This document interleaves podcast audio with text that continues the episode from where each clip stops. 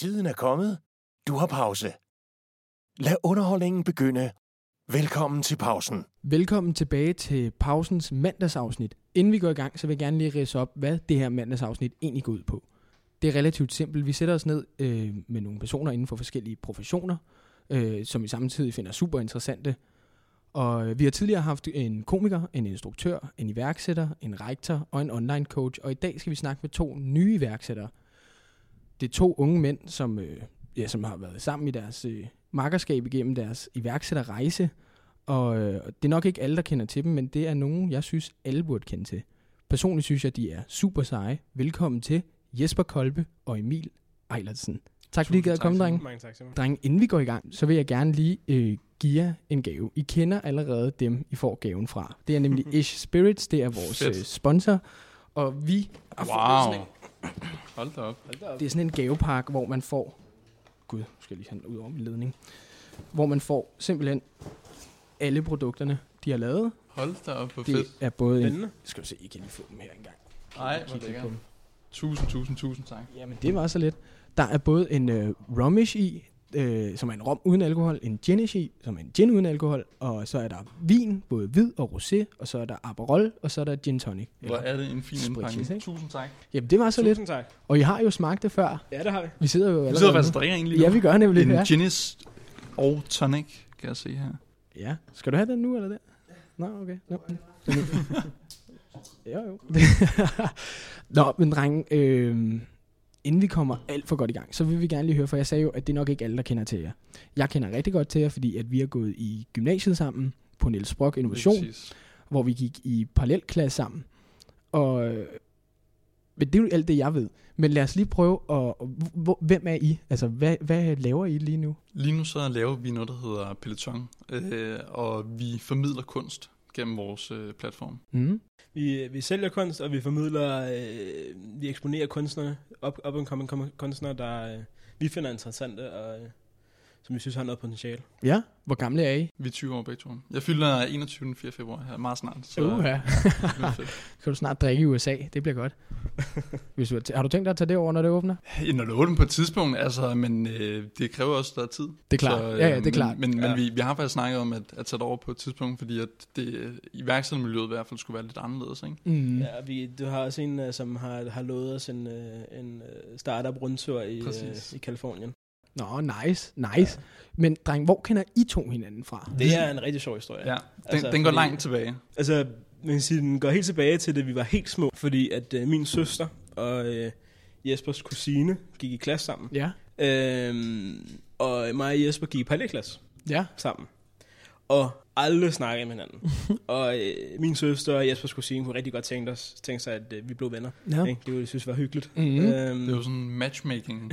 Ah. Helt små klasser. Ja, og så, øh, men, men vi, vi, var, vi, var, vi blev ikke rigtig venner, og altså, jeg, øh, jeg øh, er tidligere skøjteløber, Ja. og øh, trænede absurd meget, og var, altså, i det, i det øjeblik, jeg ikke var i skole længere, så, øh, så var jeg i gang med at træne. Ja. Og det var, øh, der var ikke rigtig noget fritid, jeg gik ikke på fritidshjem, jeg gik ikke i, øh, i alt det der, jeg, jeg, jeg trænede, og var ude at rejse, og øh, til konkurrencer og sådan noget i stedet for. Du, du skøjte ud i Rødovre, ikke?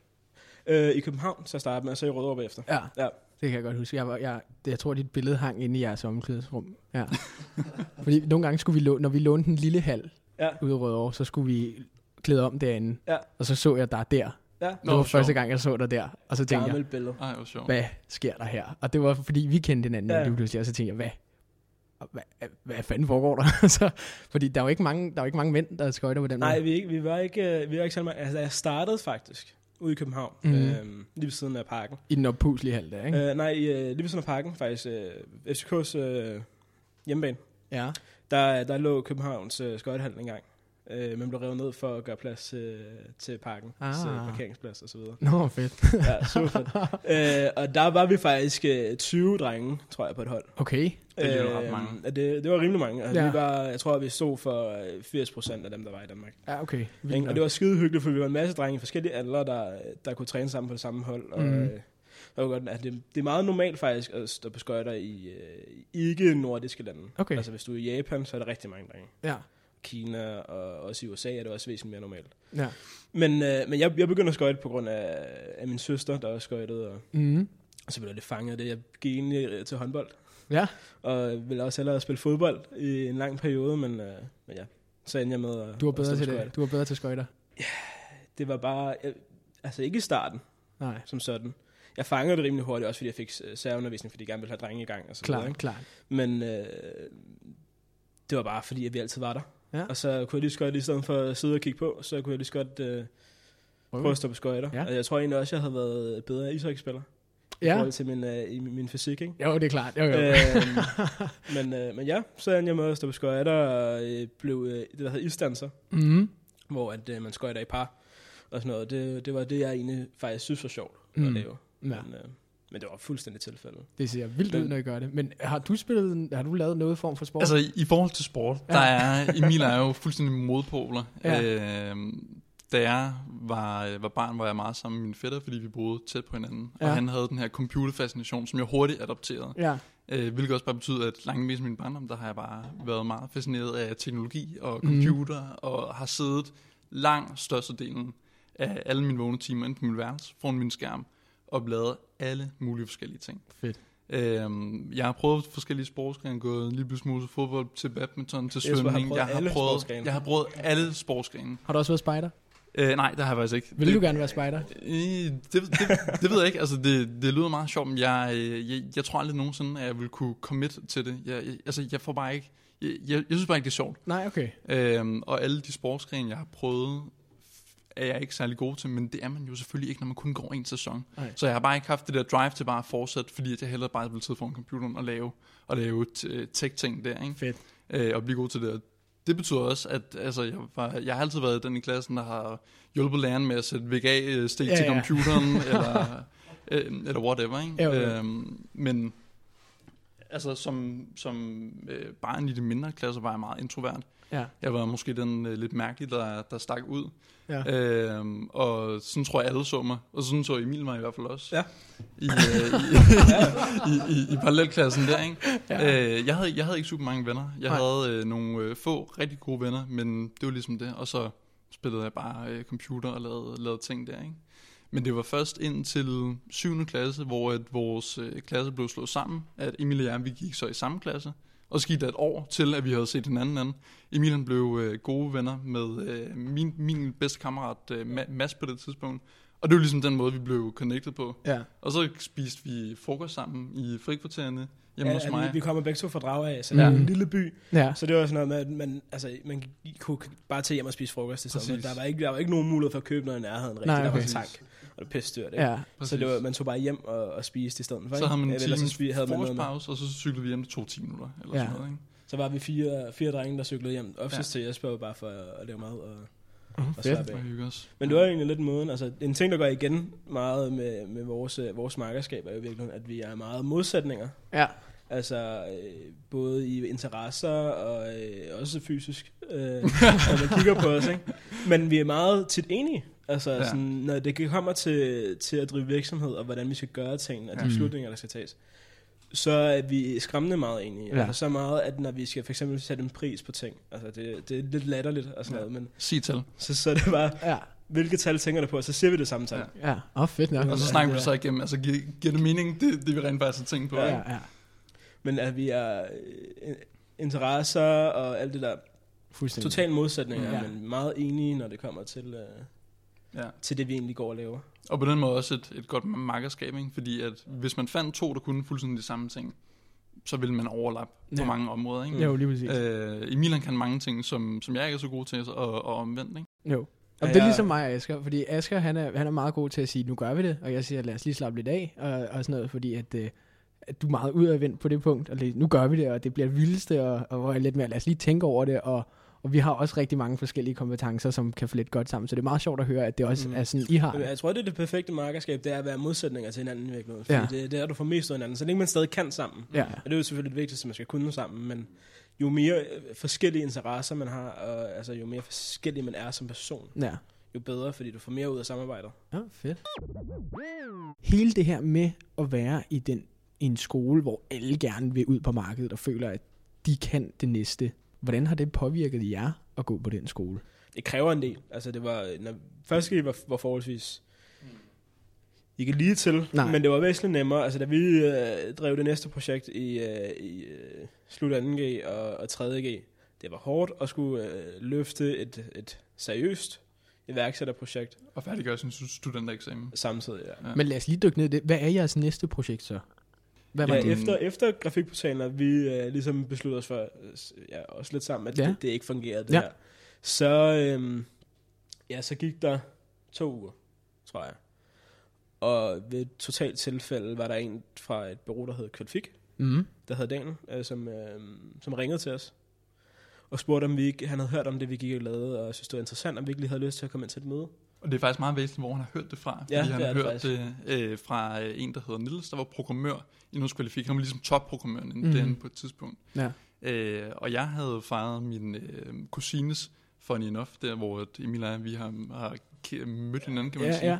Øh, hendes, øh, hvad hedder det, fødselsdag havde vi øh, lavet sådan en surprise party, hvor at ham her Nils var med. Mm. Mm. Ham stod jeg og med hele dagen, og jeg stod og snakkede med ham hele eftermiddagen og aftenen. Fedt. Det skal Øh. siges, Niels er rigtig tech, øh, jo også, så Ja, ja, okay. de havde noget Rigtig til, tech ikke? til fælles, ikke? Ja, jo, vi, vi, vi havde en masse til fælles, og, øh, og vi ledte efter en, som der ligesom kunne bygge den her platform, øh, grafikportalen, Ja. ja. som, som vi ville lave på det tidspunkt, Mm. eller hvad det nu skulle hedde. Øhm, og så sagde han, at han arbejdede hos Qualifik, og han skulle lige høre ad. Og så snakkede han med Daniel, og Daniel han synes, det var en rigtig god idé, hvis Emil og jeg vi kom ind og lavede det i samarbejde med Qualifik, hvor de sagde, vi har ressourcerne, vi har erfaringen, og den stiller vi til rådighed, og så kan I bygge det øh, mod så at få nogle anparter, og så forhåbentlig løn på et sigt, når projektet bliver rentabelt. Ja, At de to, at man kan sige, de tog en stor chance med, at øh, vi var 17, ikke? ja. Altså med et, øh, en virksomhed, der kører det, jeg tror, at på det tidspunkt havde de haft, lige øh, haft øh, Mærsk som kunde, Mærsks HR-afdeling, så det er jo ikke Ikke det store Mærsk, Nej, okay. Mærsk men, øh, men haft begyndt at lande nogle, nogle større kunder og nogle lidt større projekter, og Og have nogle penge, og, ja, få en lille investering, Ja. og penge at rundt med, ikke? Jo, jo, jo. Så de tog også en chance med at sige, okay, vi skal poste nogle penge i det her projekt, og øh, hvem, hvem, skal vi, hvem skal stå for det? Det skal to 17-årige. Klart. Okay. øh, Men de går meget til et eller andet i os. Ja, ja. Ja. øhm, og, og synes, at vi var fulde af energi og motivation, hvilket vi også var. Altså, vi ville rigtig gerne have det her til at lykkes og, og bygge den her platform.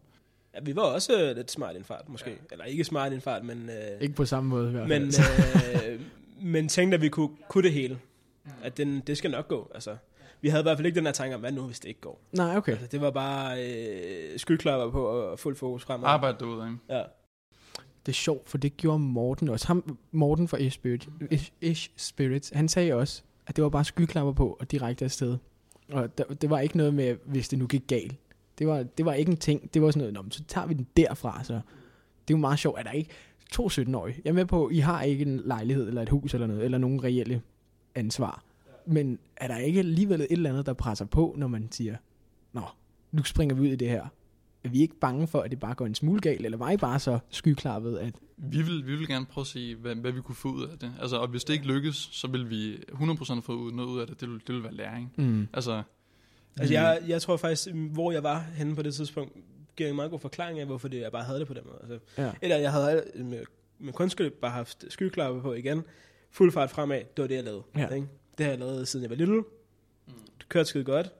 Øh, men så øh, lige pludselig, så falder det lidt sammen. Og jeg øh, på en træningslejr i Polen øh, bøjer simpelthen knoglen i foden og får en næveskade. Føj. Øh, Bøjer knoglen. Ja, men vi var ude at løbe i en skov i Polen. Ja. Og øh, snubler over en gangkål. Okay. og, ja, det, og det skal så være inde på Totalt, Emils totalt skøjtekarriere. tragisk. Snubler over en gangkål. Og jeg tænker først, fuck. Men løber videre. Mm. Pisse dumt. Ja. Ikke? Det skal man ikke gøre. Ikke? Problemet er bare, at de der øh, polske øh, trænere, vi havde, rimelig hardcore. Ikke? Ja. De tænkte, der gider vi ikke vente på. Mm. Du har ikke ondt. Du piver bare, fordi vi har løbet langt. Ikke? Og du har det hårdt, og vi har været i gang i, øh, i fire timer ikke? med noget træning. Det skal bare... Ikke? Vi kan Jo. jo på dig. Så jeg handler tilbage. Øh, jeg tror, der var en, en to kilometer. Mm. Øhm, og ender så på, på hospitalet og øh, i, i gips og så videre, ikke? Men, men det der skøjmiljø er meget hardcore. Altså, det, vi, vi var nede med de bedste trænere i verden, og det var sådan, man er udvalgt til at være der, og så jeg tænker, ah, det gør ikke ondt længere. Tag gipsen af og begynder at træne igen. Og så øh, siden da, så har jeg faktisk ikke rigtig kunne haft øh, skøjter på og træne seriøst mere end 20 minutter, uden at min fod begynder at sove. Okay. Og det er rimelig svært at stå på, øh, på en skøjte, hvis du ikke kan mærke foden. Mm. Så det, det, jeg, jeg ender i virkeligheden med ikke at kunne rigtig øh, løbe, og det tager totalt på motivationen, og sådan, hvad skal jeg så gøre, og altså, skal jeg bare vente og komme igennem det her, eller, Mm. ikke? Ja. Og så lige pludselig, så kommer den mulighed der, og sådan lidt, nå, nyt projekt. Ja. Og jeg har altid været lidt, at det er nok bare, det er det.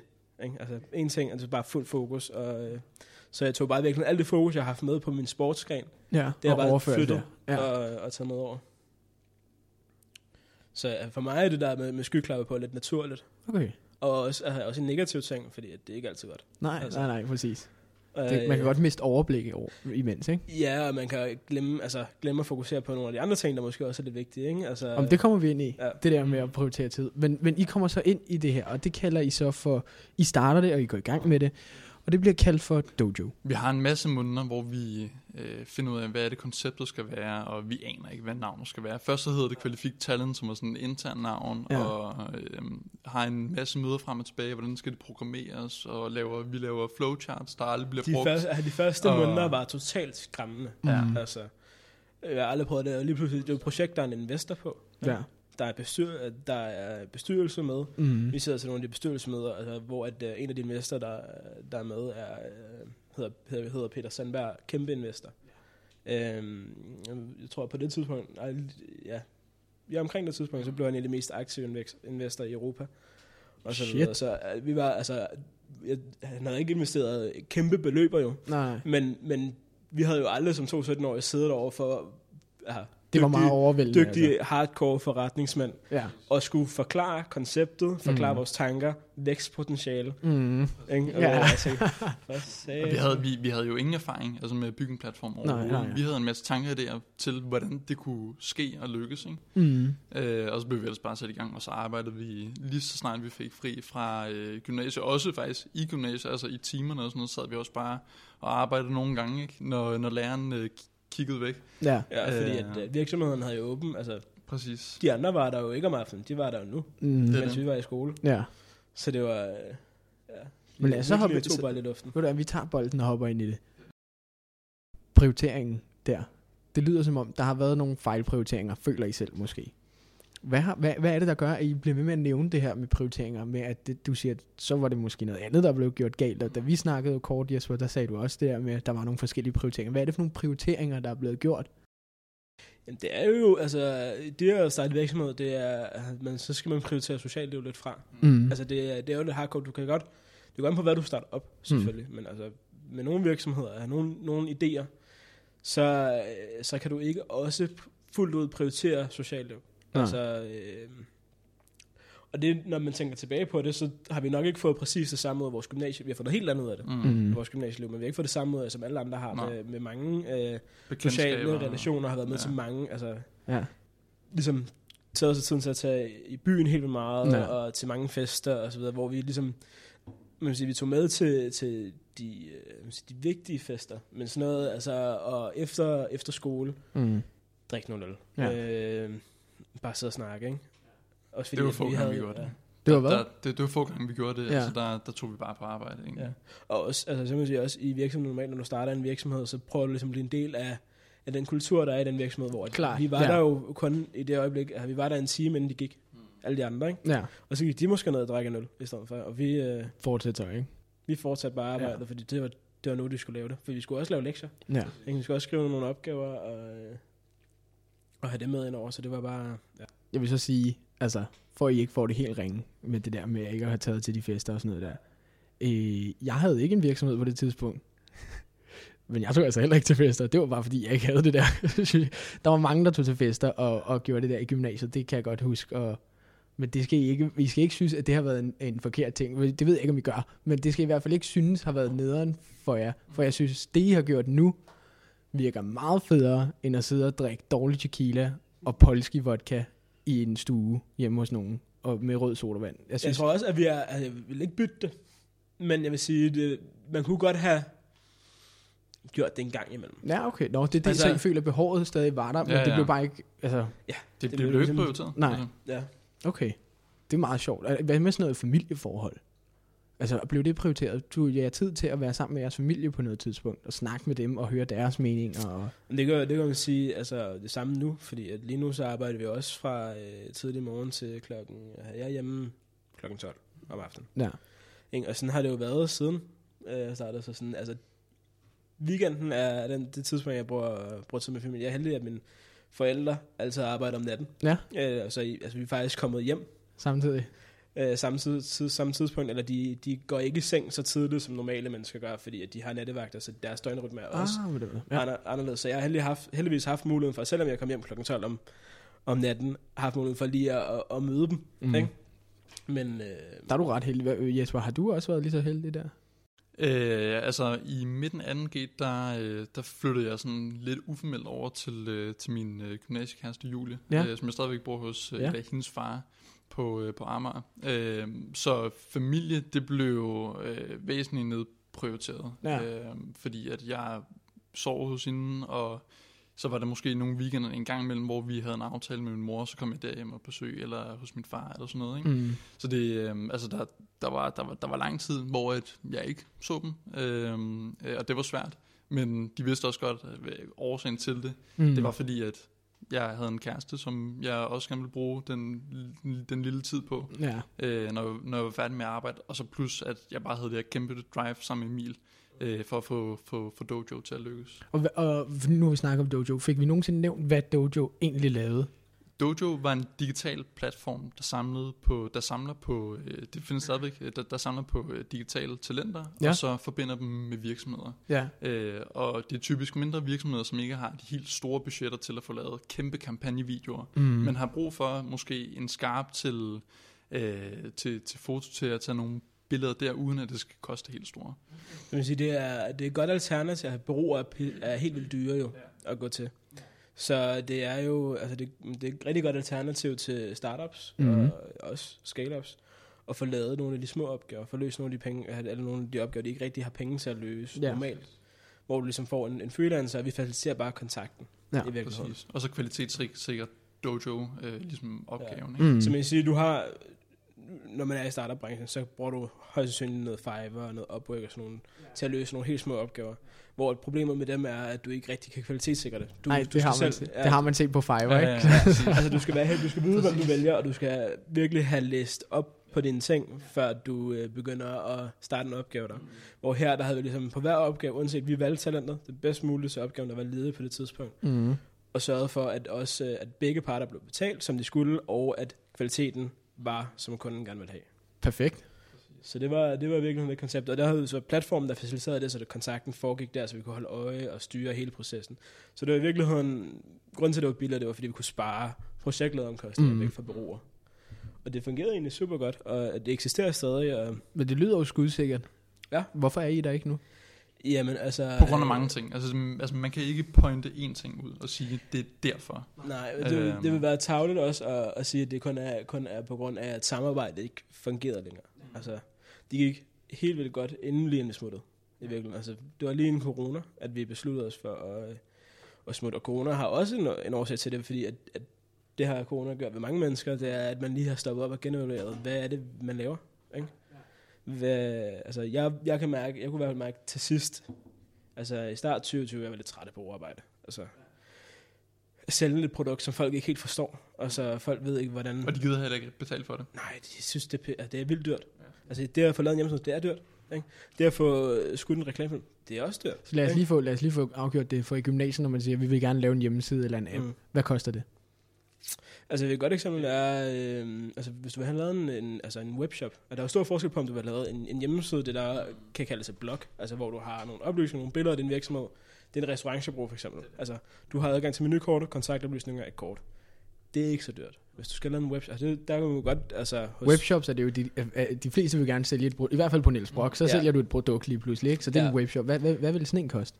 Det er jo meget forskelligt, og det, det kommer an på, hvad man hvor skal mange sælge. produkter du har også, altså, og hvor meget du kan selv. Altså hvis du bruger Shopify for eksempel, så kan du mange ting selv. Mm. Øh, bruger du WordPress, WooCommerce og sådan noget, så er det dyrt. Okay. Altså vil jeg sige, det er... I længden i hvert Ja, fald. I længden. Men det kan godt være, at du kan stable noget på benene, men det er skrøbeligt. Ja. Det skal vedligeholdes. Du kan ikke vedligeholde det selv, højst sandsynligt, så du skal altid høre nogen. Så det er sådan, på den lange bane, så bliver, bliver WordPress WooCommerce altid meget dyrere øhm, til det. Ja, Okay. Til gengæld, hvis du bare skal have lavet noget til en restaurant, så, så, er, det, så er det WordPress. Det er det perfekte. Det er også, altså, WordPress startede som en blog. Altså til en blog Lige præcis. Altså, det startede ikke med at være noget, du skulle kunne lave webshops i. Og det er også derfor, det ikke fungerer. Men hvad så? I, I, øh, I stikker ud af det her dojo øh, af, af mange forskellige årsager, øh, øh, som vi res, øh, af ren respekt ikke øh, behøver at nævne så meget af.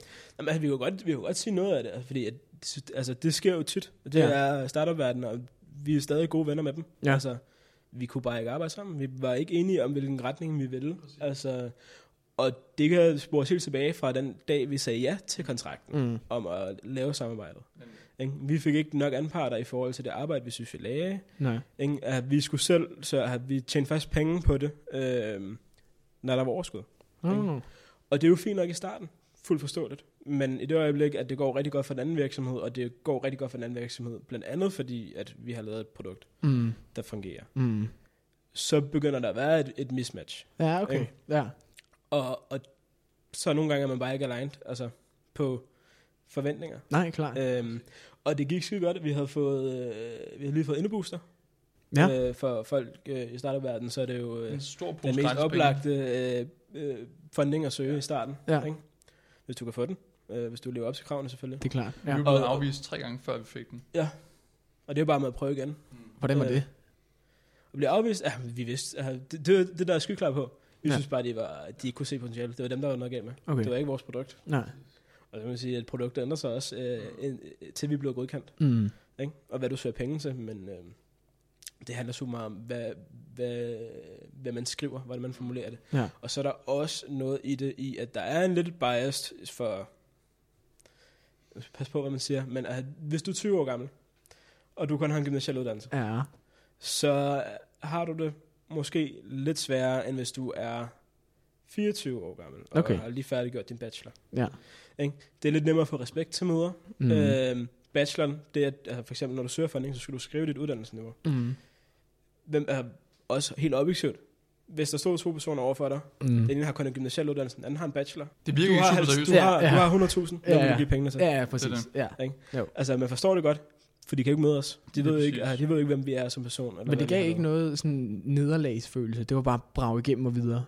Så måtte vi prøve noget andet, ikke? Okay. Så, så, så lavede vi med budgettet igen, og prøvede noget nyt. Ikke? Altså, Okay, det var bare at åbne en ny dør. Ej, det er fortsæt, fortsæt, fortsæt. Prøve i hvert fald. Altså, altså, altså selvfølgelig var det et bum på vejen. Ja. Men det, altså, vi kunne ikke blive tynget over det for evigt. Nej, men det var ikke sådan, så I, øh, når I sidder derhjemme, eller fortsætter med jeres arbejde, I sidder og tænker, fuck, det her, det er, altså, det er så pisse irriterende, og det kan godt være, at det er lige... Måske er det ikke. Måske er vi ikke gode nok, eller måske mm. er det ikke godt nok. Den følelse havde I ikke. I var mere bare, de forstår det ikke. Vi fortsætter.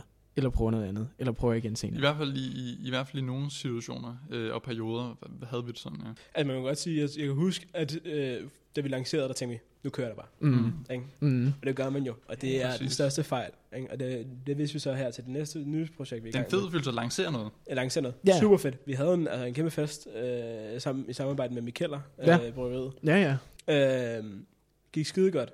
Og øh, så det samme med, at du har webshop også, ikke?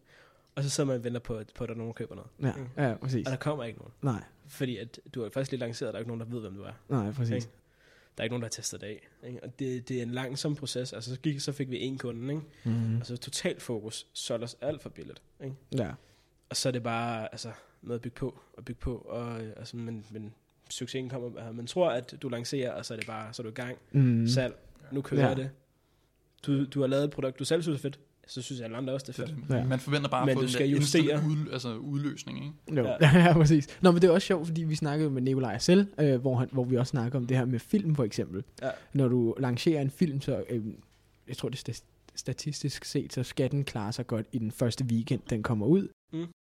Ellers er den død, Mm. og så bliver den ikke til noget. Ja. Det er jo nok også lidt sådan, man har følelsen der, ikke? at man er bange for, Ja, det vil sige, det, ja, det var der, jeg synes, jeg virkelig følte det første store bump på vejen. hvordan vil I sige, at man skulle komme videre igennem det?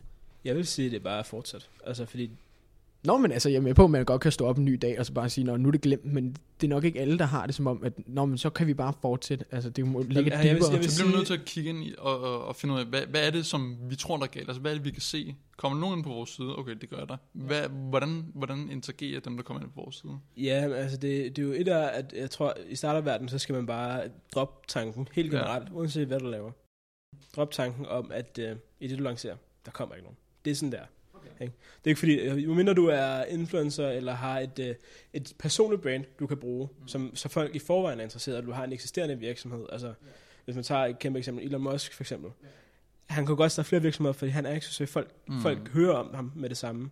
Men hvis du bare er en almen person, øh, ingen, altså, du har en vennekreds, men udover det er du, ikke- er du ikke kendt. Altså, Nej, nej, det er jo lige meget, hvad fanden han laver, fordi han lavede jo en flammekaster. Hallo. Ja, ja, og så blev den solgt over er det helt, helt vildt populær. Ja, men du Men- siger, sæt forventningerne Jamen, der, der, næste, altså, der kommer ikke noget salg. Altså, også da vi lancerede det næste projekt, der, der havde vi hypet det inden, og så videre, men så får du måske et, en lille smule salg, og så falder det, og så ligger mm. du der, indtil du, og det er så, så det, du skal arbejde på i den, den periode, det er finjusteringer, altså finde ud af, er det besøgende, du, du ikke får, så skal du lave noget andet content, arbejde med din markedsføring, ikke? altså at justere det. Hvis du får nok besøgende, men de ikke køber noget, så er der mange ting, der kan være, selvfølgelig.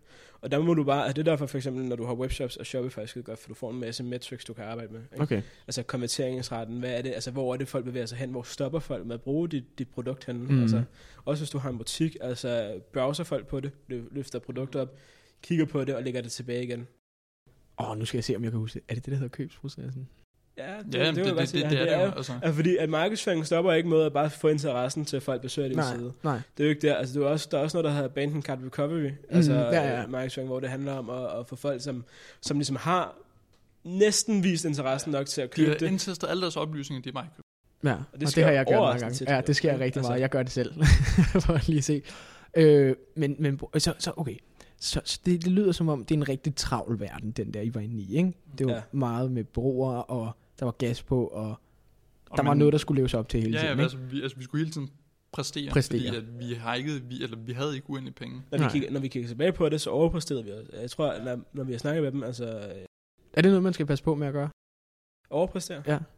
Og jeg vil sige, altså... Er det ikke en meget god kan ting faktisk- at overpræstere? Det, det, det kommer jeg faktisk til, tror jeg. Ja, fordi okay. at, at det, det har du faktisk lidt ret i. Øh, også i forhold til her, den sidste periode, vi havde i virksomheden. Ja. Men altså, vi overpræsterede helt vildt meget, og de var meget imponeret over os. Altså, de var virkelig glade for os. Ja. Øhm, problemet er, når du har overpræsteret, så er du ligesom lagt, du har Så lagt har man lagt sit eget niveau. Altså, og du skal selvfølgelig altid præstere rigtig godt, når du kommer ind i en virksomhed, og du, Mm. du starter op. Men du har også, her, hvis du arbejder sammen med andre, og du, hvis du arbejder for nogen mm. generelt, så har du overpræsteret, så har du ligesom lagt standard for, hvem du er som medarbejder. Ja. Ikke? Ja. Og vi, har, vi har jo Ah. også teknisk set været medarbejdere der, ikke? fordi vi har ikke været direktøren i, den, i, i hovedselskabet. Nej, Vi har nej. jo ligesom lagt barn for, hvad er det, de kan forvente os af vores arbejde. Så i det øjeblik, at vi tænkte, nu skal vi lige tage et skridt tilbage, så følte vi personligt, at vi slet ikke udrettede noget. Og det lever vi stadig under. Altså fordi, at vi laver jo, altså når vi arbejder i dag, så arbejder vi jo mange timer, og vi laver rigtig mange ting sammenlignet med, hvis du for eksempel bare hører dine forældre eller venner, hvad de har lavet på, øh, på arbejde, så tænker man, du, altså, Ja. tænker man lidt inderst, inde, du ikke lavet altså, Nej, nej. øh, så meget. Det har lyder som en rimelig afslappet dag, ikke? Ja. Men altså, man har ligesom, man har ligesom blevet vant til, at du, du arbejder på et rigtig højt niveau, Mm. så du giver dig heller ikke, du giver ikke dig selv lov til at slappe af, for du er også bange for, at de andre kan mærke, at du så øh, slækker lidt på det, ikke? Kan man, sige, kan man sige, at hvis man overpræsterer til at starte med, så din normale præstation kan godt virke som en underpræstation. Ja, det er, det, Ja, det er en underpræstation. Altså- det var også til sidst, hvor vi ikke havde motivationen for at arbejde længere. Ja. Altså, da vi faktisk, altså, specielt i den periode, vi havde sagt op, vores opsigelsesperiode. Mm-hmm. Altså, det var ikke fordi, vi lavede, altså, vi drev virksomheden. Det må man for fanden også forvente, øh, forvente ikke? Altså, Det, og de, var, ja, altså. de er ikke sure, det var ikke fordi, de blev sure på os, men altså, vi snakkede også om det, altså, så sagde de, at vi er underpræsteret helt vildt meget, og vi har næsten ikke lavet noget. Hvor det, at, at når jeg tænker tilbage på det, altså, vi drev den virksomhed, vi tog alle opkald, vi snakkede med alle kunder, var til møder, ja. men vi lavede bare ikke videreudvikling. Altså alt det vi tid, vi brugte på videreudvikling, det var måske øh, 60% af vores arbejdsdag, det var videreudvikling af produktet. Ja, okay. Så vi var ligesom lige pludselig, øh, lavede vi det normale ansattes arbejde, ja. ikke? men det svarer kun til 40% af det, vi normalt laver. Ja, okay. Så det er en total underpræstation. Okay. Ikke? Og vi holdt lige pludselig også pauser. Ikke? Jo, jo, jo, jo.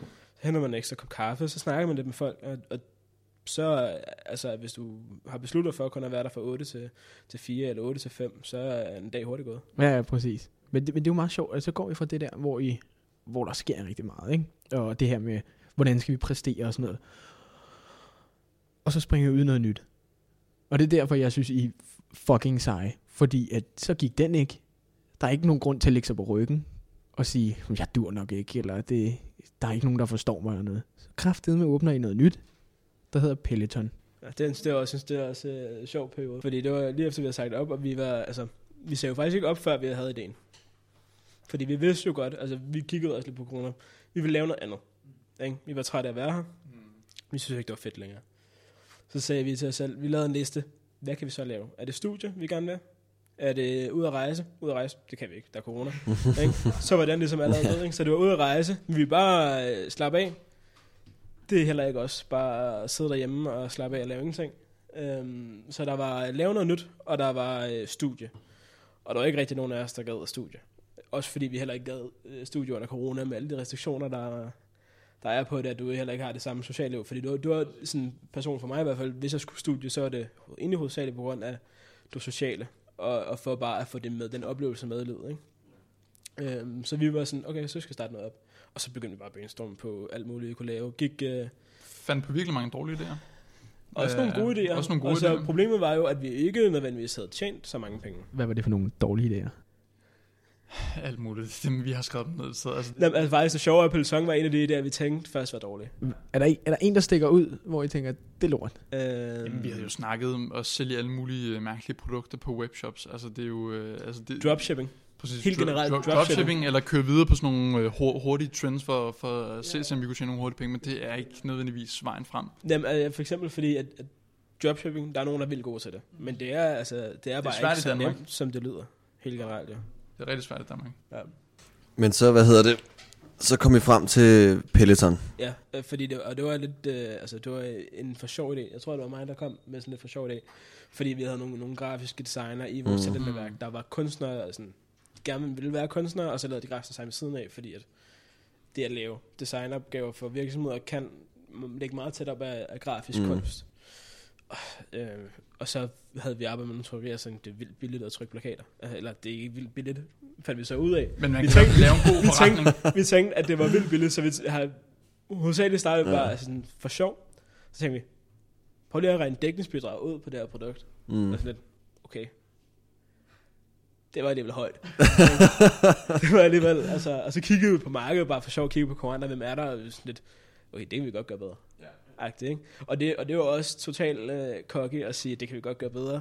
Men man kan sige, at vi havde også nogle gode forudsætninger. Altså, vi havde netværket. Vi kendte en masse, der havde øh, webshops. Vi har Mm. hjulpet en masse, der havde webshops. Altså, vi har bygget øh, webshops. Vi har markedsført webshops. Altså, vi har været det. Bare ikke for vores eget produkt. Vi har bare ikke tjent noget på det. For det arbejde førhen. Så vi var sådan lidt, ja, why not? Har I, øh, har I en eller anden skjult passion for kunst selv? Eller, eller var det bare, altså... Altså, Vi er helt nye kunst. Aldrig, altså jeg er faktisk ikke ny, gik det op, altså, det gik Okay. op for mig, fordi jeg, jeg har ikke tænkt over mig selv som nogen, der Mm. var interesseret i kunst som sådan. Men når, du, når jeg tænker tilbage på det, så øh, der, der er øh, kunstnere i min familie. Min, øh, min morfar og min oldefar øh, har været øh, værkfører for Georg Mm. mm. Jensen, Mikkelsen, Just Andersen, Okay. altså lavet skulpturer og lavet smykker og lavet altså, smykker, der har været på verdens øh, udstillinger og så videre. Ikke? Mm. Øh, og har haft stor succes med det. Så i sådan, teknisk set, så er der masser af kunst, og vi ejer en masse kunst. Mm. Øh, Men, bare aldrig øh, tænk på det som kunst. okay, Øhm. okay. Hvad hedder det? Inde på jeres øh, hjemmeside, der har jeg skrevet, at penge ikke skal være en hemsko for kreativitet. Kan I prøve at uddybe det? Altså lige nu, hvis man kigger i, i kunstens verden, så er den jo no- notorisk kendt for, hvis man skal have fat i et fedt værk, så koster det mange penge. Hvis man gerne vil også købe det for, for et kendt navn. Øhm, så, så på en eller anden måde, så øh, er vel en af vores missioner ved at lave Peloton at, lave, øh, at gøre kunst tilgængelig. Og det gør man jo blandt andet gennem plakater, hvor man kan sælge det samme værk til, til flere. Helt, helt kort, fordi at vi snakker om det, og øh, vi igen ikke lige har fået nævnt, hvad det er. Vi ved jo godt, hvad det er, øh, men det er nok ikke alle, der ved, hvad det er. Det er jo plakater, øh, kunstnere, eller øh, det er kunstværker, Ja. som bliver solgt som plakater, øh, til en færre pris, sådan så at, at kunstneren får et færre cut af det, ikke? Ja. Sådan som du Så nævner det, nu. ja, det er fair cut til kunstneren, det er bæredygtigt produceret, Ja. det er øh, Høj kvalitet. høj kvalitet, og det er med fokus på Hvordan er det bæredygtigt? Bæredygtigt, det er jo, altså, det er jo Det er det faktisk gennem alle vores led. Ja, og det er jo både, det er alt for rammer, altså rammer, hvor kommer træet fra, at det er FSC-certificeret. Ja. Jeg skal sige, at, at det med at være FSC-certificeret tingene, Ja. det er Danmark, uh, det er Norden, det meste af vores træ kommer fra Finland. Okay. Det, er ikke, øh, det er ikke regnskov jo. nej, nej, okay. Så, ma- men det er sådan, den almindelige opfattelse er, at, at Vi det er regnskov. regnskoven. Træerne kommer fra Finland oftest, Mm. hvor det er den samme fabrik, der har ligget på den samme placering. Hvis de ikke genplanter det, så træ, træerne igen, så går de konkurs inden for Ja, 12 ja. år alligevel. Så det har altid, og det har alle dage været, jeg vil sige, en bæredygtig produktion Okay. øhm, med, med rammer, men det samme med papir, så er det sådan noget med, at øh, syreindhold i blik og syreindhold i papir. Nå, og, okay, fedt nok. Jeg er i hvert fald rigtig glad for, at I kan svare på det, fordi uh, hvad der er, der er bæredygtigt ved jeres virksomhed. Fordi der var en kunstner, eller ikke en kunstner, undskyld, en, en uh, designer, der blev spurgt om, hvad det var, der var bæredygtigt ved det. Ja. tøj, de havde på. Og så sagde hun, men at jeg bærer det jo godt, synes du ikke? Og, Wow. så, og det synes mig og min kæreste var så fucking sjovt, da de sagde det. Nå, men er det ikke sjovt? Hvad er der bæredygtigt ved dit tøj? Jamen, jeg bærer det jo jeg, godt. det godt. Kan du ikke se det? Kan du ikke se sidder det? godt på mig. Altså, hvor man tænker, "Nå, men det er fordi der har de intet svar. Hvis du går ud til sådan nogle Ja. tøjmesser, så har de heller ikke noget svar. Så siger de, om det er økologisk. Hvordan er det økologisk? ja. Nå, Wow, det kan jeg sgu ikke svare på. Og så er det Men meget det, fedt, er, at du det siger, er heller ikke et nemt spørgsmål, fordi at, at, det vil sige, at vi startede ud, vi vidste bare, at det skulle være bæredygtigt. har I forberedt jer på det? Altså sådan, Nej, alt, altså når I har øh, skulle sælge eller gøre noget, sagt, okay, vi skal jo kunne nævne, hvordan det er bæredygtigt. Ja, ja altså, altså ja, vi har jo fundet hvis vi ud- gerne vil sige det, så Mm. skal vi jo selvfølgelig vide, at det Ja. er bæredygtigt. Fed indstilling. Altså, det, er jo, det er jo også, ja. altså, vi har heller ikke kunne, kunne vælge de rigtige leverandører, uden at have læst op på, nej. Hvad, altså, hvad er det, vi skal, vi skal gøre. Så der har vi kigget på kommander. Der er nogle af vores kommander, der for eksempel gør det rigtig godt øh, bæredygtigt på øh, rammerne. Mm. Mm. Nogle, der gør det rigtig godt bæredygtigt på papiret, og nogle, der gør det godt på, øh, på fragt. Mm. Ja. Altså, fragt til gengæld. Umuligt at gøre bæredygtigt. Ja, man, skal ikke, man skal ikke lige smide Greta Thunberg på et skib for at få Nej. sine uh, ting her i Nej. vel? Nej, altså, og det er også det, fordi der er ikke, altså, der er ikke rigtig nogen øh, distributører Nej. af, øh, altså, som du kan sende med, som kan levere til at bare alene hele Danmark bæredygtigt. Mm. Du kan levere bæredygtigt i København. Du kan levere bæredygtigt i Aarhus. Men så skal du også sende fra Aarhus eller fra København. Er det, er det, altså, nu spørger jeg lige om noget, det sidestikker. Bæredygtighed generelt, ja. Ja. ikke kun for virksomheden. Er det vigtigt for jer? Det er det. Ja, for det dig er, altså, jeg, altså, altså, jeg tror, det, altså, jeg tror, det er fremtiden. Ja. Og de bæredygtige valg, som man kan tage, Ja. synes jeg, man bør tage. Okay. Altså jeg synes, jeg, jeg, vi har, jeg har i hvert fald en holdning, at man skal ikke, fordi du skal presse bæredygtigt ned over et eller Nej, andet, nej, nej, for at gøre præcis. det dårligere. Altså det er lidt, det er lidt faktisk inspireret af, af Tesla med, at, at du, det er ikke omvær, altså, det er ikke dig som person, der skal ændre dig. Mm. Det er mere produkterne og, og tingene, der skal, der skal Tilpasse. tilpasses, nemlig. så de passer ind. Hvordan er, hvordan er, for, altså, hvordan er jeres, hvad hedder sådan noget, øh, roller i det nye, i det nye selskab, skulle jeg til at sige, det nye firma? De minder meget om... De minder meget om den måde, det var i Dojo. Altså, egentlig. det er bare den samme dynamik i virkeligheden. Ja, altså, præcis. øh, jeg, ved, jeg ved ikke, hvordan man skal beskrive det. Altså, øh, Man kan dele det op sådan, at øh, der, er, der er en bog, der hedder øh, The E-Myth. Også god bog. Og Ja. su, su, Læs. super god bog. og den er, faktisk, den er faktisk rigtig god, fordi den beskriver også, at iværksætteri ikke er for alle. Altså, Fedt. det der, det der med for eksempel, hvis du elsker at bage, helt, helt, basalt, du elsker at bage kager. Ja. Du har baget bagt kager med din bedstemor, og kæmpe passion, synes det er vildt sjovt. Det kan godt være, og så tænker du, at jeg skal åbne et bageri. Ja. Det kan godt være en rigtig dårlig idé, fordi Ja. at det at åbne bageri, det er ikke at bage kager. Ikke? Der er alt muligt med at drive virksomhed. Der er husleje, der er rengøring, der er kundeservice. Ikke? Der er det hele. Og for eksempel, altså det kan jo godt være, at du elsker at bage kager, men Mm. mm. kundeservicen ikke er noget for dig. Nej, okay. Det er jo hurtigt gå ned på det, ikke? men så er det også det der med, hvordan kommer du ud af problemerne. Mm. Mm. Altså, ikke? fokusere din tid på det, du godt kan lide, det der motiverer dig for projektet. Så må du finde, altså så må du øh, gå ned i land for så at hyre en tjener, der godt kan lide kundeservice, mm. Hvis det er den, du ikke kan lide. Okay. Eller rengøring, eller administrationen for administration, og altid, uanset hvilken virksomhed det er, så er det røve. Præcis. Men i forhold til rollerne, der er der ligesom de her tre roller. Der er det, der hedder, den, der hedder The Technician, Yes. og der er den, der hedder The Entrepreneur, og så er der den, der hedder uh, The Manager. The Technician, det er det personen, som der godt kan lide at være proaktiv og lave en masse øh, af de der ting, og bare øh, sidde, altså få, få en stue, og så bare sidde og, og skrive løs, eller programmere løs, eller bare få altså, streget de der øh, punkter Ting af. er to-do-listen. Fuldstændig, ikke? Bare Ja. ja. få lavet en masse, masse ting, få produceret en masse ting.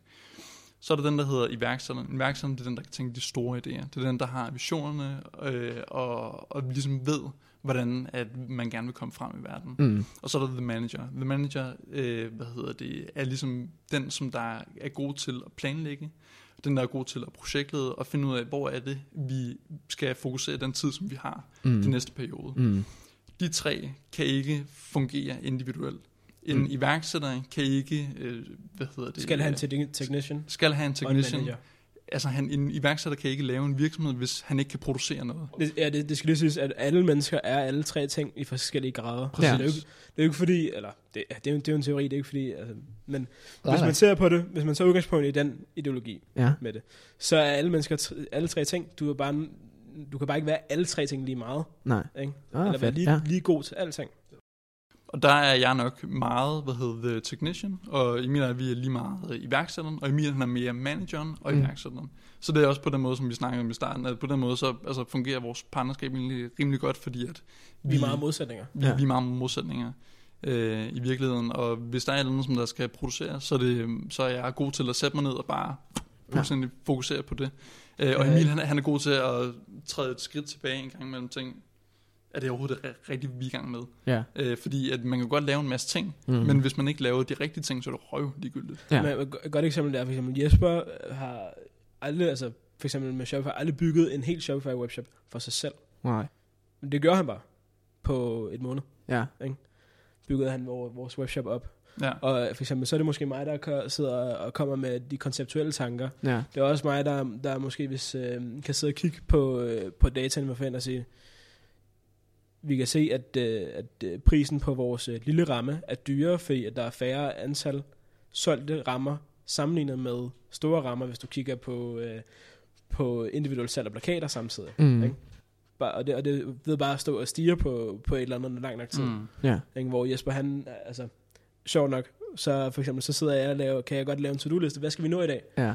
Men så er det Jesper, der sidder hovedsageligt med den to-do-liste, bare sidder og krydser af og bare Mm. mm. churner igennem på, øh, på de der ting, ikke? Og, Ja. Ja. Fint nok, vi skal forha- forhandle med kalenderen. Godt. Ja. Done. Fedt. Ja. Vi skal forhandle nogle bedre øh, prisprogrammer. Done. Ja. Ja. Lave ting på hjemmesiden. Done. Videre, videre, videre. Hvor Emil han er rigtig god til at holde det her store, øh, forkromede overblik over Mm. projektet og fremtiden. Ikke? Føler I så, jeg, altså, føler I så, at I har været en, på en eller anden måde heldig med de ting, I så har, har, har opnået? Føler har der været Vi en, har- en form for held har- indblandet? Altså, i, for, i forhold til held, så vil jeg sige, altså, der er selvfølgelig en, en mængde held i, at øh, man kan sige, Nils øh, var til mm. Jespers kusines surprise party, og de øh, snakker om det, og han sagde det videre. Mm. Men man kan sige, altså held eksisterer i branchen, men man kan sige, hvis du ikke er bange for at snakke om det, og bare eksponere dig selv, og ikke holder tilbage, For så skal der feedback. nok ske noget. Så spørgsmålet er bare, hvad der sker, men der skal nok ske noget. Men hvad med held i forhold til det? Jeg tror, det var det, du var inde på med, med jeg tror, I har været heldige, at det, det, den der aldersfaktor, ikke? At I har kunne holde den skjult og sådan noget. Jeg tror, har Der har, vi, at der, det der har vi jo fortsætte. arbejdet meget med at, øh, og, altså, gøre ting, sådan, så vi ikke øh, så som om vi var 18-19 år. Altså ikke rent udseendsmæssigt, det kan vi ikke ligesom gøre noget ved. Nej, det var det, jeg men, tænkte. Lige tegne altså mustache sige, eller et eller andet. altså, altså snakke, snakke med et højt ordforråd, sæ- sætte sig ind i de ting, som vi laver, sådan, så vi snakker meget, meget kompetent. Mm. Sige, Øh. der, du skal lave væsentligt mere forarbejde, fordi du skal virkelig bare overbevise. Altså, du, skal, du Præcis. skal overbevise så meget, at der ikke bliver stillet spørgsmålstegn ved noget. Okay, Præcis. Eller om din viden omkring et felt. okay. Altså, du skal... Men, men der er også noget med udseende. Altså, man kan sige, vi dukkede ikke op i... Uh, altså, det havde nogle udviklere, der havde en bachelor og var virkelig dygtige Ja, det er mennesker. Kunne godt dukke op til kundemøde i hætstrøg. Mm. Eller i et eller andet, hvor at, det, at Ja. det har vi aldrig gjort. Nej. Altså, vi har altid haft en, øh, hvad hedder det, en attaché-taske med, Ja. og en, øh, og en overcoat.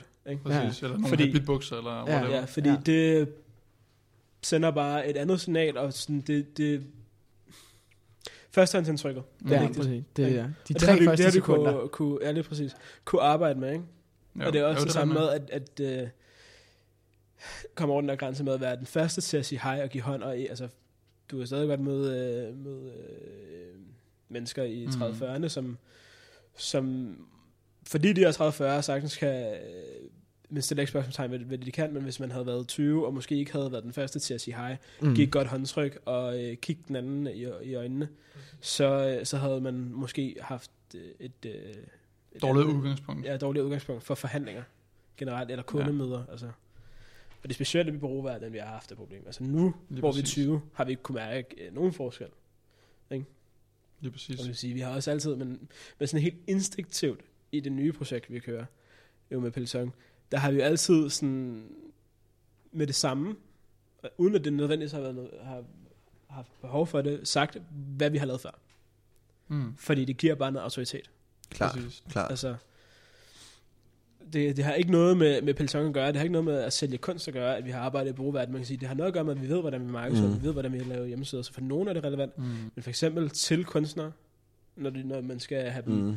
Mm. have dem med på ideen, så give dem et, øh, altså, fordi de er også ældre end os jo, ikke? Det er jo også tydeligt, Præcis. øhm, at de ved, hvad vi kan. Så, så moralen i det er egentlig, at, at hvis man arbejder hårdt nok og, og bekymrer sig om, om ens uh, ligesom udstråling, øhm, så skal man nok kunne komme over den der barriere i forhold til ikke så meget også, også at være en ung gut, men også bare det der med at være ny i, i ligesom gamet. Ja, det, det, det er jo vi et godt eksempel på, uh, har, har kunnet Ja, man, man kan sige, det er det samme med, det er samme med sport og talent. Mm. Altså, det, mm. det er jo godt, at du har talent. Talent er måske heldet i, i vores verden, ikke? At du har, du har noget held, der, mm. øh, der kan tage dig et, et vist sted hen, men du må selv arbejde hårdt for, at det bliver til noget. Altså, Mm. det er held, som sagt, at øh, Niels hørte om os og snakkede med Daniel i Kvalifik. Ikke? Men det er os, der har, øh, altså det er vores hårde arbejde, der har gjort, at vi, øh, han har sagt ja til os til, til det møde, og har lavet et samarbejde, og vi har lavet det projekt, og at vi har kunne sælge os selv til kundemøder osv. Mm. Men der er altid en, en lille portion held, og så må man bare øh, udnytte det så, så godt Ja, som muligt. Og enten så udnytter man det slet ikke, eller så udnytter man det mere end potentialet i virkeligheden er. Præcis, Mm. og i forhold til det med at, at, udnytte det held, man har, altså der har vi også i et nye projekt her, de kontakter, som vi har lært at kende gennem det gamle projekt Dojo, øh, har jo også kommet os til gavn. Altså vi har fået en rigtig god, fra, øh, en rigtig god fragtaftale gennem en af vores gode bekendte, øh, og vi er blevet sat op med en, en masse mennesker, som ligesom kunne, kunne hjælpe os i gang. Så man kan sige, at det er jo også heldigt, at vi kender de rigtige mennesker, så at sige. Men vi spørger også, altså så det, det er ligesom meget med vi, er ikke- vi er ikke at- bange for at spørge. det, det, det, altså det, det er ligesom meget med at udnytte det potentiale, som man nu engang har, uanset altså hvad, hvad standpunktet er. Ikke? Og vi har også kun det, det, det netværk, vi har nu, fordi vi har arbejdet hårdt i Kvalifik på at få det. Og det var også en af de ting, der motiverede os, det var, at vi vidste, uanset hvad vi vil lave efter det her, så har vi netværket. Uanset Mm. hvad, hvad vi tjener på det, uanset hvad vi kan få ud af vores anden parter, så har vi netværket. Og det er højst sandsynligt mere værd på sigt, Mm. end penge nu, lige nu her. Ja. Det er det. Og i forhold til netværk, altså med folk, der skal lave øh, en, en ny business, det, det er virkelig, virkelig vigtigt, har vi fundet ud af. Og det, det var også noget, som man fik at vide meget på Innovationsgymnasiet. Husk nu at holde øh, godt, Ja, ja. øh, altså kontakt jeres netværk og link folk på LinkedIn og sådan noget. Ikke? Og, og det er vi virkelig fundet ud af. Det er faktisk vigtigt. Mm. Og det er vigtigt også stadigvæk at have den her personlige øh, relation til folk, Mm. øh, og kunne snakke med dem, og kunne lige ringe til dem en gang imellem, og sige, hvordan går det, eller skrive til dem, Ja. ja. og så videre, ikke? For ligesom at holde gang i, i kontakterne. Vigtigt. Vigtig pointe. Vigtige pointer, I begge to lige kommer med der. Hvis vi lige går tilbage til der, hvor I siger, at øh, med alder og sådan noget, ikke? hvis vi så bare lige siger, okay, men så springer vi lige 10 år frem. Ja. Hvor kan vi så se Jesper Emil henne? Sikkert stadigvæk lave et eller andet projekt. Ja, jeg Om tror, det er- jeg om tror, det det er det, vi skal lave i hvert fald. Om det er peloton, eller om det er et eller andet andet. Ja. Øh, Altså, vi, har, og- vi har super mange idéer ja. og ting, vi gerne vil lave. Og så også bare, altså det behøver ikke være kæmpe idéer, men bare også nogle små, sjove projekter. Og forhåbentlig, altså uden at øh, sætte sig selv for meget... Øh, øh, ja, altså vi vil måske gerne have flere virksomheder også. Altså, vi vil stadig nok stadig gerne være, være, være i gang med Peloton, men vi er måske ikke øh, i gang med det på daglig basis. Forhåbentlig øh, ansat, der kører det. Og så er jeg i gang med nogle andre projekter. Har I, har I nogle projekter, som I skal nå? For eksempel altså et eller andet mål, hvor I tænker, at det her, det vil jeg gøre i mit liv. Det, jeg vil have det her. Det er et rigtig godt spørgsmål, fordi at det var Nikolaj, han sagde at på et tidspunkt, øh, eller han sagde på et tidspunkt, som vi quotede, at han, havde, sagt, at han ville gerne lave en film inden for hver eneste genre. Øh, og, og så sagde han så bagefter, at det var noget pis, han havde sagt det, fordi så kan folk 20 år efter sige det igen. Men er det samme indstilling, I har, ligesom i... Altså jeg tror i hvert fald, Altså, det, det, det, det har vi også på, snakket hvad om. man siger, som sagt. Men øh, Ja. altså, vi har jo snakket om, at et er, at nu har vi prøvet at lave en tech-virksomhed, Mm. hvor at vi faktisk var this close på at nå det, og smuttede lige inden, at det gik godt, fordi at vi blev enige med, med de andre i ejerkredsen. Men en, en tech-virksomhed, øh, hvad det er indenfor, vi har allerede leget med ideen lidt på siden. øh, og snakke med nogen om det, hvor vi så lige nu har besluttet os for, at det har vi ikke tid til. Præcis, og vi Mm. har Ja. ikke penge til det, fordi Vi har at ikke penge til det. Nej. det, det er også noget, som vi har lært, at det koster mange penge for at lykkes med en tech-virksomhed, fordi at et, man kan bygge et godt produkt, og det kan man Mm. have en pose penge til, men hvis man ikke kan få produktet ud over Mhm. stepperne gennem markedsføring, Ja. eller på en eller anden måde eksponering, så er det lidt lige meget, ikke? Altså, Mm. vi, har, vi har heldigvis så heldige, at vi har evnerne og, og kontakterne til at lave Mm. altså, koncepter og produkter, uden at have særlig mange penge på lommen. Men Ja. markedsføring koster penge, uanset hvem du kender. Vi har løbet rigtig meget igennem i dag. Og jeg tænker, at hvis vi kunne korte det ned til punktformer, bare sådan nogenlunde, øh, og så sige, hvis I har nogle gode råd, så vi lige punkter gode råd ned til dem der, derude, der som gerne vil være iværksættere, øh, hvad skulle det så være? Ikke? Er der noget, I ønskede, I havde hørt i starten? For man kan sige, der er stadig lang vej for jer. I kan jo nå tusind ting. Men til det punkt, hvor jeg, Jeg nu... har en, jeg har en rigtig god en. Ja, lad os prøve at høre det. Følg din mavefornemmelse. Men er så kæft, den er vigtig. Hold kæft, den er vigtig. kæft, den gave at have mavefornemmelse, ikke? Ja. Det, det, øh, Altså det, det vil sige, når vi har kigget tilbage, og vi har så har taget en forkert beslutning, så kan vi altid sige, mavefornemmelsen var også lov. Mm. Altså hver gang. det. Og sådan, altså, skulle vi have gjort det, det helt tilbage med, hvor mange anparter vi sagde ja til i Kvæl fik. Mavefornemmelsen var lidt forkert. Ikke? Men og det- fuck det, vi skulle bare i gang. Ja, vi skulle, vi skulle bare i gang. Men man kan så også sige, at uanset hvad, så skulle vi bare gøre det. Altså, Ja. havde, de, havde de heller ikke tilbudt os anparter, så havde vi nok også gjort det. Fordi det bare at komme i gang, Præcis. var det vigtigste for os. At havde vi ikke sagt ja på det tidspunkt, så havde vi ikke været her. Så havde vi ikke Præcis. lavet det. Altså, fordi det var bare vigtigt at komme i gang og tage skridtet. Altså igen, ikke? Ja. Og så vil sige, vi er bare ikke øh, totalt selvstændige. Jo. Vi, øh, vi havde øh, Daniel og, og August, som Mm. det hedder, til at, at hjælpe os og guide Mm. os, som havde prøvet det i et par år før. Ja. Så at vi havde noget, øh, noget erfaring med, med os til at hjælpe os. Mm. Og det er det, så man kan sige også, øh, lyt til andre, Ja. men 100%. tænk for dig selv. Ja. Altså, virkelig, 100%. virkelig lyt og øh, høre, hvad de har gjort forkert, og hvad de ja. har gjort godt, hvad de synes om, om forskellige ting, og hvordan man skal, skal gøre det, men igen, mavefornemmelsen. Mavefornemmelsen. Ja. Er det det? det, Det, det er virkelig key. Altså, det er, det, det er nøglen. Det, det, det er nok den måde, vi driver virksomhed Ja. på i hvert fald. Det er mavefornemmelsen. Der er ikke en eneste beslutning, øh, der bliver taget, under man lige har Nej. spurgt mavefornemmelsen. Ja, okay. Og sådan noget meget kliché, selvfølgelig. Øh, man skal lade være med at være bange for at fejle, fordi at hvis man er det, så får man aldrig nogensinde eksekveret på noget. Nej. Man siger Ej, jo også, at alt, hvad der kan gå galt, vil gå galt. Det går galt. Det går galt. Det går galt. Det går galt Altså. mange gange for os. Altså, vi har lavet mange fejl. Og det, det, vil jo, det, det vil vi jo slet ikke øh, Men det er altså, fejl, for har det virke, jeg, vil, jeg vil næsten våge at påstå, at det er fejlen, der skaber produkter. Ja, Altså, Det er fordi det, det. det er fejlen, at du finder ud af, hvad, hvad der så skal gøres bedre. Fordi du kan ikke, altså, hvis, du, hvis der ikke er nogen fejl, hvis du ikke lærer fejlen, så bliver det ikke bedre. Og så er produktet bare det, du har tænkt. Og så ved du ikke, altså det bliver, det bliver ikke bedre. Altså, havde, også igen, havde vi ikke haft øh, nogle måneder i Dojo, hvor vi ikke solgte noget i starten, lige efter vi lancerede, så havde produktet ikke været godt. Fordi det var, altså, vores idé var teoretisk god, men den var ikke god nok i praksis jo. Så det skulle forbedres. Men det er godt, du siger, at øh, bedre bliver det ikke. Og det synes jeg heller ikke, det er, det gør. Jeg synes, det har været rigtig fedt at sidde sammen med jer. Øh, det har været rigtig hyggeligt. God insight på det hele. Øh, og hvis det er, I har lyst til at høre om nogle andre, der er nået til et bestemt sted i deres liv, altså hvordan de er nået dertil, så kan I høre det i forrige afsnit, eller det næste afsnit. Og ellers så er, det, så er vi bare tilbage næste mandag. Tak for i dag. Du har lyttet til pausen. Tak for, at du lyttede med. Følg os på Spotify, så du altid har en makker i din pause.